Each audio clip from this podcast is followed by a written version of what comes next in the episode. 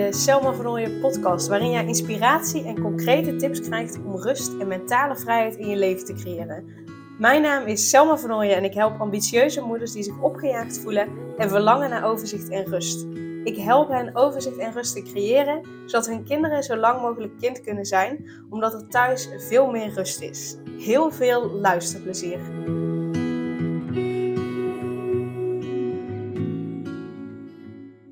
En extra welkom bij deze speciale reeks waarin ik je het verhaal vertel van Anouk.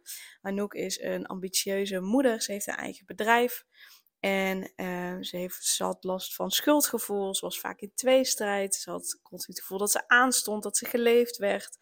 En ze had ook uh, vaak het gevoel dat ze iets of iemand tekort deed. En uh, ik neem je mee in haar reis naar overzicht en rust, dat ze weer voluit is gaan genieten van haar leven met haar gezin en haar bedrijf. En in de vorige aflevering vertelde ik je al over de enorme vermoeidheid die um, Anouk voelde. En um, ja, wat haar daarin heeft geholpen in aflevering 69, dan ga ik nog verder in op de oplossing. Dus uh, luister vooral ook nog de vorige aflevering, dus aflevering 61. En vandaag ga ik inzoomen op een ander gedeelte van waar Anouk tegenaan liep. Want Anouk die vond het dus moeilijk om haar aandacht bij één ding te houden. Dus telkens als het mamadag was, dan nam ze zich voor om haar telefoon weg te leggen en er echt volledig voor haar kinderen te zijn. Nou, haar dochter is vijf jaar, haar zoon is drie jaar. Dus haar dochter zat natuurlijk een deel van de tijd op school, haar zoon nog niet.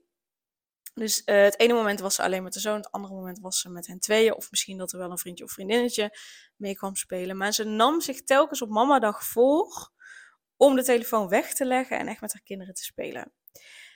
Maar als ze dan eenmaal bij haar kinderen zat, dan betrapte ze zichzelf erop dat ze toch wat anders ging doen.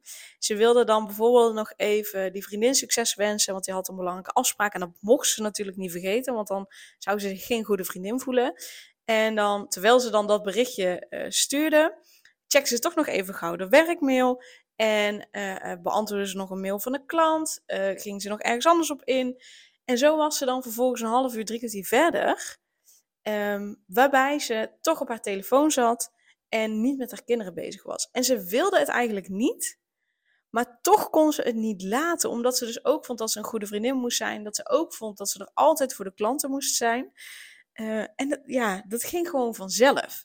Alleen, als ze dat dan deed en dus die tijd niet met haar kinderen uh, heel bewust had doorgebracht, ja, dan voelde ze zich weer schuldig richting haar kinderen, want ja, die verdienden al haar aandacht en ze moest er altijd voor ze zijn en ze moest altijd bij ze zijn en met ze bezig zijn.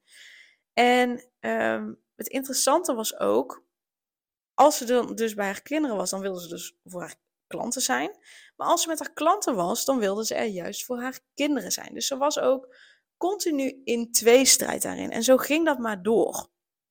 En ze nam zich wel voor om het anders te doen, maar het lukte haar niet om dat vol te houden. Het lukte haar niet om het vol te houden om haar werkmail dan niet te checken, omdat het, ja, dat ging heel automatisch.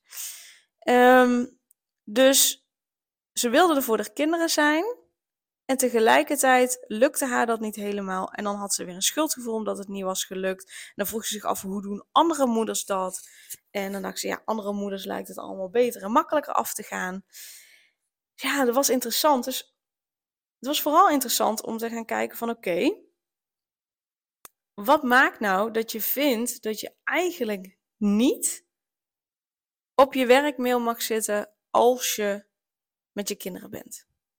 En zei ze, ja, dan, dan ben ik er niet volledig voor mijn kinderen. Dan, dan geniet ik niet volledig van hen. En uh, ze, zijn, uh, ze worden zo snel groot, dus ik wil eigenlijk niets missen.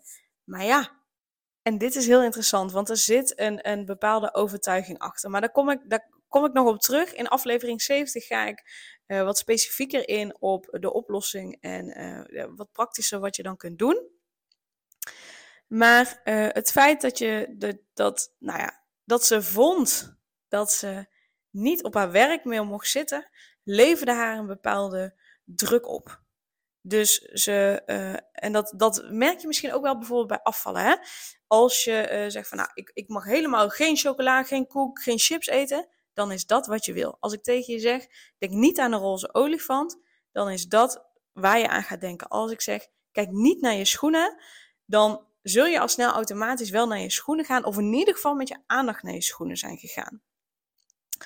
Uh, dus op het moment dat je zegt, ik mag, op het moment dat Anouk zei, ik mag niet op mijn werkmail zitten, ja, wat ging ze dan doen? Aan de werkmail denken. Aan dingen denken die daarmee te maken hadden. Dus één kleine verandering die we maakten was: oké, op mamadag mag ik twee keer een half uur mijn, mijn werkmail checken. Daardoor ging die, die negatieve lading, die negatieve energie eraf. Ontstond er ruimte om het wel te mogen, want doordat ze het niet mocht en het toch deed, ja, dan voel je je natuurlijk rot, want je, je komt een bepaalde afspraak niet na, uh, je doet iets wat je niet wil. Um, maar door het jezelf toe te staan, ging heel die lading, heel die negatieve energie eraf. Dus door af te spreken twee keer een half uur op mamadag mag ik mijn werkmail checken en die beantwoorden. En de rest van de tijd ben ik er voor mijn kinderen. Dat scheelde al zoveel. En daarin duidelijk uh, naar je kinderen communiceren van hey, uh, mama gaat nu even een half uurtje uh, de werkmail checken. Werk desnoods met een timer. Um, dan, ja, dat scheelt zoveel. Uh, het scheelt zoveel als je jezelf niet alleen maar van die moedjes of, of niet mogen dingen oplegt. Maar dat je gaat kijken van oké, wat is voor mij acceptabel, zodat ik dat wel kan doen. En het interessante is nog, uh, later is uiteindelijk is het helemaal niet meer nodig geweest. En, en daarvoor uh, nodig ik je uit om ook straks aflevering 70, 70 te luisteren, omdat er wel iets fundamenteels onder zit, waarmee je ervoor gaat zorgen dat als je daarmee aan de slag gaat, dat, um, ja, dat, dat het niet meer nodig is eigenlijk om je mail te checken. Dus die komt nog. Um, maar door eerst deze eerste stap te nemen, haal je de lading er al af. En uiteindelijk kun je dat loslaten en, en hoeft, hoef je niet eens meer uh, de werkmail te checken. Maar daarvoor luister aflevering uh, 70. Maar dus als, je dus, als je dit vertaalt naar jezelf, hè, wat is er uh, um, ja, heb je zelf ook, ja, laten we zeggen, de last van dat op het moment dat je met je kinderen bent, er nog zoveel dingen in je hoofd zitten die je vindt dat ze moeten doen. En dat kan zijn met werk, dat kan zijn met je bedrijf, het kan ook zijn uh, uh, iets in het huishouden waarvan je vindt dat dat nog gedaan moet worden. Wat bij jou maakt dat je niet met je volledige aandacht bij je kinderen kan zijn? Dan mag je voor jezelf even beantwoorden.